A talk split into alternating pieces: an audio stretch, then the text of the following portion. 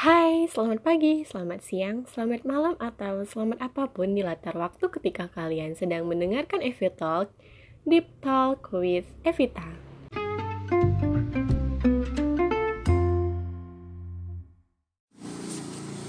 Halo pendengar Evi Talk, uh, di mana pun kalian berada. aku ucapin hai. Udah lama aku gak nyampe kalian dan kali ini podcast yang aku ingin bawakan uh, aku bisa bilang ini adalah podcast dadakan. Kenapa? Karena ini benar-benar ide baru aja nancap di otak aku. Dan aku nggak mau nunda-nunda. Ini baru berapa menit yang lalu aku dapat ide ini. Uh, jadi aku ingin pengen langsung merekam ini di podcast uh, dan membagikan ke kalian semua. Ya semoga nanti apa yang aku bagikan ini ide dadakan ini bisa bermanfaat lah untuk kita semua untuk aku juga. Uh, jadi maaf juga nih kalau nanti di latar suara kalian. Bakalan banyak suara-suara yang mengganggu atau kayak suara kendaraan atau suara televisi atau mungkin suara kucing atau mungkin ada suara orang ngobrol karena ini benar-benar tempat kurang kondusif. Jadi uh, dulu biasanya aku kalau mm, buat podcast selalu cari tempat yang kondusif dulu gitu. Atau cari waktu di mana uh, tempat aku nih sepi gitu. Tapi kayaknya kalau aku nunggu waktu itu aku atau aku nyari tempat yang kondusif dulu pasti bakal lama gitu. Dan aku nggak mau nunda-nunda untuk ngerekam podcast ini karena ini masih anget di kepala aku. Aku masih semangat untuk ngerekamnya. Aku nggak mau nanti idenya hilang atau mood aku hilang so let's talk about it. kalian pasti udah tahu apa yang mau aku bicarain karena udah aku tulis di judul but uh, apa sih itu dopamin detox ya yeah. uh, jadi um, kalian juga aku yakin beberapa mungkin dari kalian udah sering dengerin istilah dopaminnya. Kayak dopamin, serotonin atau oksitosin. Ya itu sering lah kita dengerin ya kan. Pas uh, dan yang aku tahu dopamin itu adalah salah satu zat di kimia yang ada di otak yang yaitu bisa meningkat jumlahnya setelah kita melakukan aktivitas yang menyenangkan gitu. Jadi misalnya kalau kita habis hmm, bertemu kawan atau ketemu pacar misalnya atau uh, nonton TV nonton YouTube scroll scroll sosial media stalking atau apa pun yang kita anggap aktivitas itu menyenangkan nah si dopamin ini bakalan meningkat jumlahnya. Dan which is kita selalu berpikir kan kalau kebahagiaan itu ya bagus gitu. Bertemu kawan itu bagus meningkatkan kadar kebahagiaan dalam diri kita. Itu kan selalu kita berpikir kita selalu memikirkan itu adalah sesuatu yang bagus gitu kan. Jangan sedih ya bahagia gitu. Nah terus kalau gitu artinya dopamin ini bagus dong gitu kan. Dia bisa meningkatkan kebahagiaan dalam diri kita meningkatkan semangat gitu. Kenapa harus di detox gitu? Ntar takutnya kalau habis di detox malah jadi sedih dong. Uh, murung dong gak bahagia gitu. Nah, sebelum ada pikiran seperti itu, mari kita luruskan apa sih sebenarnya detox eh dopamin detox itu. Oke. Kita mulai bicara mengenai dopamin detox. Jadi pernah gak sih kalian, kalau kalian tanya aku, pasti aku pernah nih. ngerasain males, ngerasain kurang motivasi atau ngerasain kayaknya bosan aja gitu. Kayak hidup nih uh, bener-bener kehilangan tujuan gitu kan. Kayak nggak hidup kayak karena seakan-akan kita tuh udah mati cuman ya raga kita aja yang hidup gitu. Pernah kan? Aku mau cerita sedikit ya tentang aku. Karena ini sebenarnya lagi kejadian sama aku. Jadi semenjak tahun 2020 semenjak lockdown semenjak pandemi mulai menyerang dunia gitu semenjak covid menjadi pandemi di dunia uh, most of the time kita ngabisin waktu itu di mana? Online gitu kan. Apalagi ya dengan perkembangan teknologi sekarang ini. Kita buka YouTube kita buka Instagram uh, ngobrol chattingan ngelihat meme meme ngelihat meme gitu kan.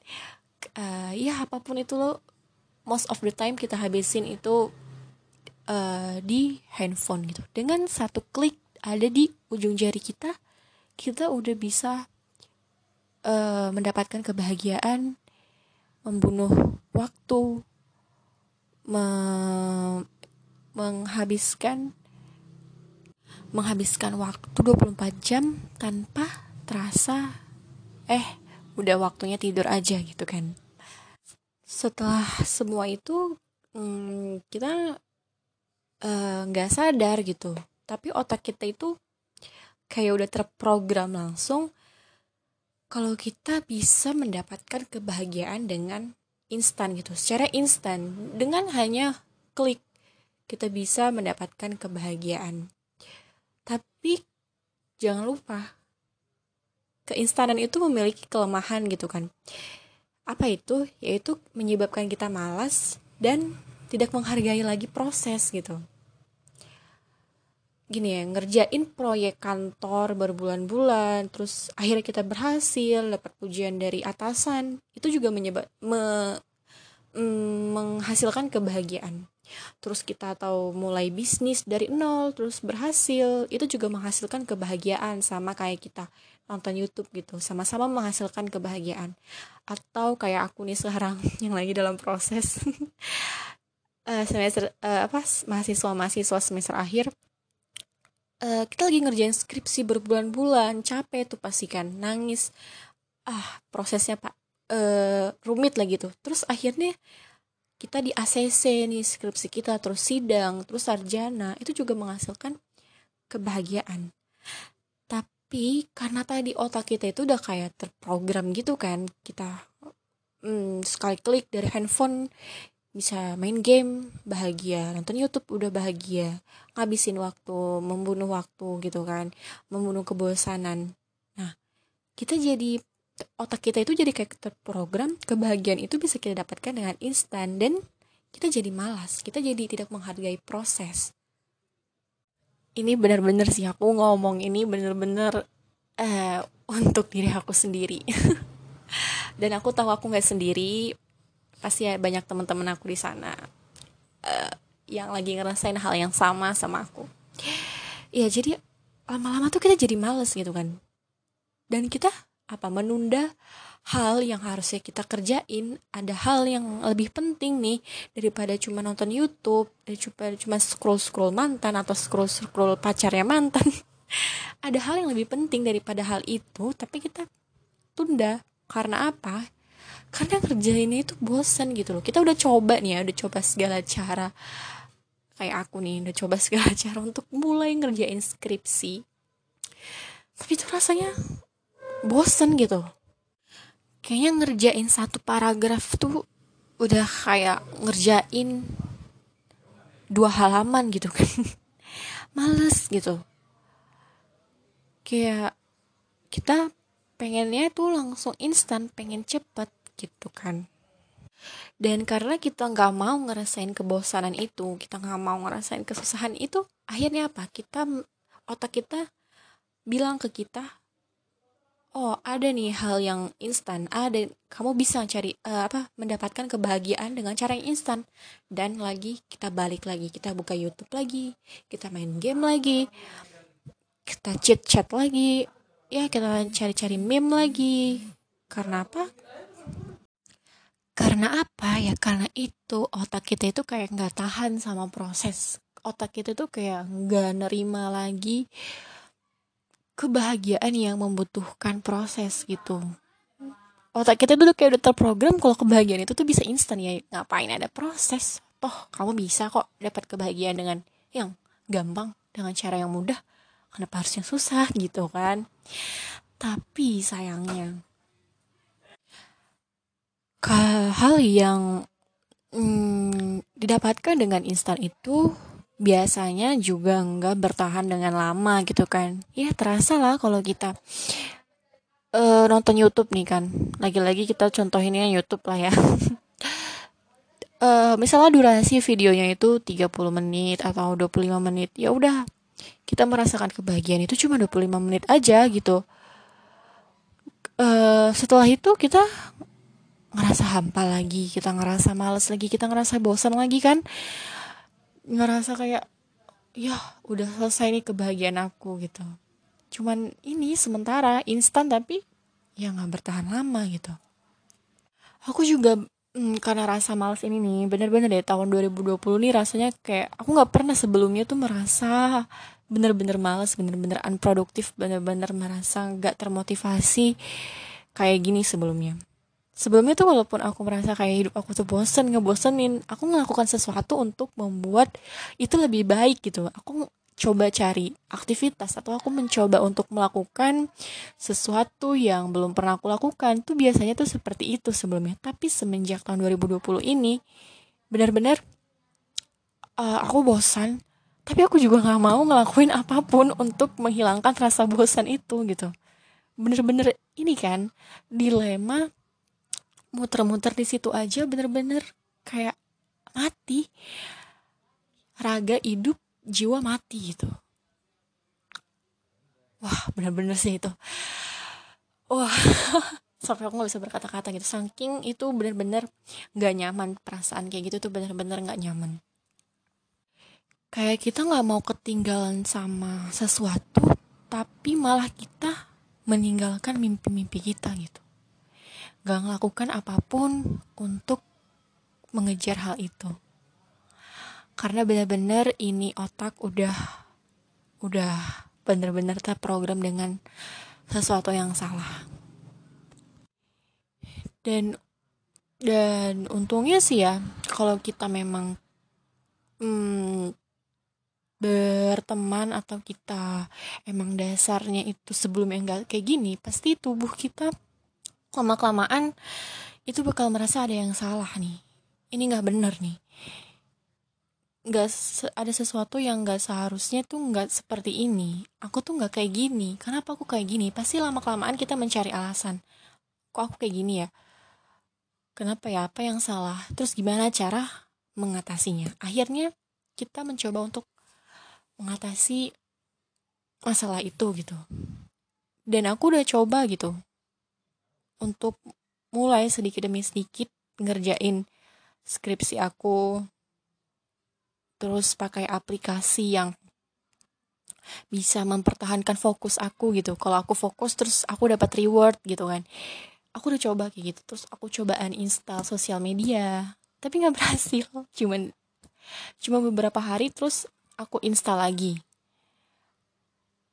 Uh, setelah beberapa hari aku berhenti nulis skripsi aku nggak bertahan lama. Bener-bener kayak aku cuman mau nonton YouTube aku cuman mau yang Instagram bolak-balik itu aja. Aku nggak mau ngerasain capeknya ngerjain skripsi aku nggak mau. Kayak gitu. Bener-bener parah. Bener-bener ambiar. Nah dan untungnya juga bersyukur juga sih teknologi ini uh, juga ada peran positifnya gitu. Jadi aku nonton YouTube tadi itu ya. Ini barusan aja nih. Makanya aku dapat ide ini dari, dari nonton YouTube. Ternyata ada gunanya juga akhirnya. Uh, salah satu video YouTube hmm, nyaranin aku gimana caranya menghalau rasa malas. Yaitu satu dengan ini. Yang lagi aku rekam ini, dopamin detox caranya gimana agar uh, kita bisa kembali lagi produktif, bisa kembali lagi menikmati proses-proses mencapai kebahagiaan. Gimana caranya? Ada hal yang perlu dikorbankan tentunya. Kalau bisa uh, dikurangin atau kalau bisa ya dihilangin gitu. Yaitu apa? Berhenti main sosial media.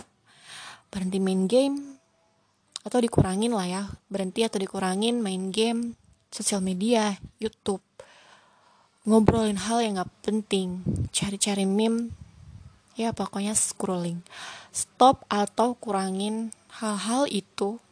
Dan coba mulai untuk mengerjakan hal-hal yang tadinya kita tunda. Yang sebenarnya itu adalah hal yang penting tapi kita tunda memang awal-awalnya pasti pasti sangat pasti kita bakalan bosan, kita bakalan capek, kita bakalan nyerah untuk ngelakuin hal itu gitu. Tapi jangan gitu. ya jangan nyerah. Uh, kita perlu untuk ini ngedetox dopamin-dopamin tadi itu yang ya yang menyebabkan otak kita terprogram secara salah. Kita butuh mendetoks hal itu. Dan itu bisa kita lakuin selama 100 hari. Ya dan konsisten ya. Berhenti atau kurangi hal-hal yang gak berguna itu intinya dan mulai melakukan eh, hal-hal yang tadinya penting yang udah kita tunda sejak lama. Dan aku tahu pasti kita pasti capek dan gak konsisten. Makanya itu aku bisa saranin mungkin untuk kita ya sama-sama cari carilah uh, support system gitu. Seseorang teman pacar atau keluarga yang bisa nge-support kita. Kita kasih tahu kita lagi dalam program ini nih. Kasih tahu sama mereka kalau kita lagi dopamin detox namanya. Jelasin sama mereka apa itu. Dan kita bilang kita bisa bilang sama mereka tolong ingatin aku ya kalau misalnya aku lagi malas. Tolong ingatin aku lagi tentang komitmen awal aku ini tentang dopamin detox ini. Karena ya pasti kita butuh lah seseorang untuk mengingatkan kita ketika kita lagi lupa gitu. Atau ketika kita kehilangan motivasi. Atau kalau misalnya memang nggak punya atau kita memang merasa nggak punya seseorang yang kira-kira hmm, bisa jadi support system kita. Ya akhirnya kita cuma bisa bergantung sama diri kita sendiri dong. Pasang reminder di handphone alarm atau apa pun itu sebagai reminder. Dan akhirnya juga selain diri kita kita juga punya Tuhan gitu. Kita bisa berdoa sama Tuhan tolong ingatkan aku ketika aku kehilangan motivasi, ketika aku kehilangan semangat, ketika aku lupa tentang komitmen komitmen awal aku mengenai de dopamin detox ini supaya aku semangat lagi gitu. Nah, jadi itu dopamin detox itu. Memang perlu pengorbanan dan kalian harus ngelakuinnya selama 100 hari. Oke? Okay? Uh, eh, dan juga aku mau bilangnya sebelumnya aku pernah cerita kayak gini sama kawan aku. Maksudnya cerita kalau aku tuh kenapa ya aku males gitu? Aku mager gitu mager parah nggak mau ngerjain ini itu nggak tau lah kayak kehilangan semangat hidup gitu. Dan temen aku nih nyaranin untuk mungkin kau ini butuh suasana baru. Mungkin kau ini mm, butuh ketemu sama teman-temanmu untuk membuat hidup kamu lebih bergairah. Uh, itu enggak sepenuhnya salah sih, karena mungkin ketika kita lagi murung, ketika kita lagi sendu gitu kan, mungkin kita butuh orang-orang um, untuk itu tadi menangitkan dopamin kita, meningkatkan rasa bahagia kita. Tapi ketika aku dengar saran teman aku kayak gitu, aku bilang ke diri aku aku ngebayangin kalau aku jumpa sama teman-teman aku iya sih memang bahagia. Tapi enggak itu enggak enggak bertahan lama gitu loh. Kayaknya bukan itu yang aku butuhin. Bukan ketemu teman yang aku butuhin tuh bukan itu. Untuk menghilangkan perasaan ini tuh bukan itu dan akhirnya aku ketemulah satu video di YouTube tadi yaitu tentang dopamin detox ternyata memang kesalahannya adalah di otak aku ini. Otak aku udah terprogram dengan salah. Aku benar-benar harus ngedetox dopamin dopamin yang salah tadi. Gitu. So jadi cuman ini aja sih podcast dadakan hari ini. Semoga apa yang aku sampaikan ini kalian dapetin intinya kalian terapin ke diri kalian sendiri dan setelah itu kalian bagikan juga ke teman-teman kalian yang mungkin kalian tahu dia memiliki problem yang sama gitu. Jadi gitu deh. Dan menolong orang itu juga ini loh meningkatkan dopamin. Dan itu nggak instan itu itu berkelanjutan ya kan uh, jadi itu aja sih yang bisa aku sampaikan di podcast kali ini. Semoga ada manfaatnya dan semoga kalian dapetin intinya ya. Mungkin kalau aku ngobrolnya udah muter-muter. Uh, jadi sampai jumpa di episode Evita Talk podcast berikutnya. Tip Talk with Evita. Bye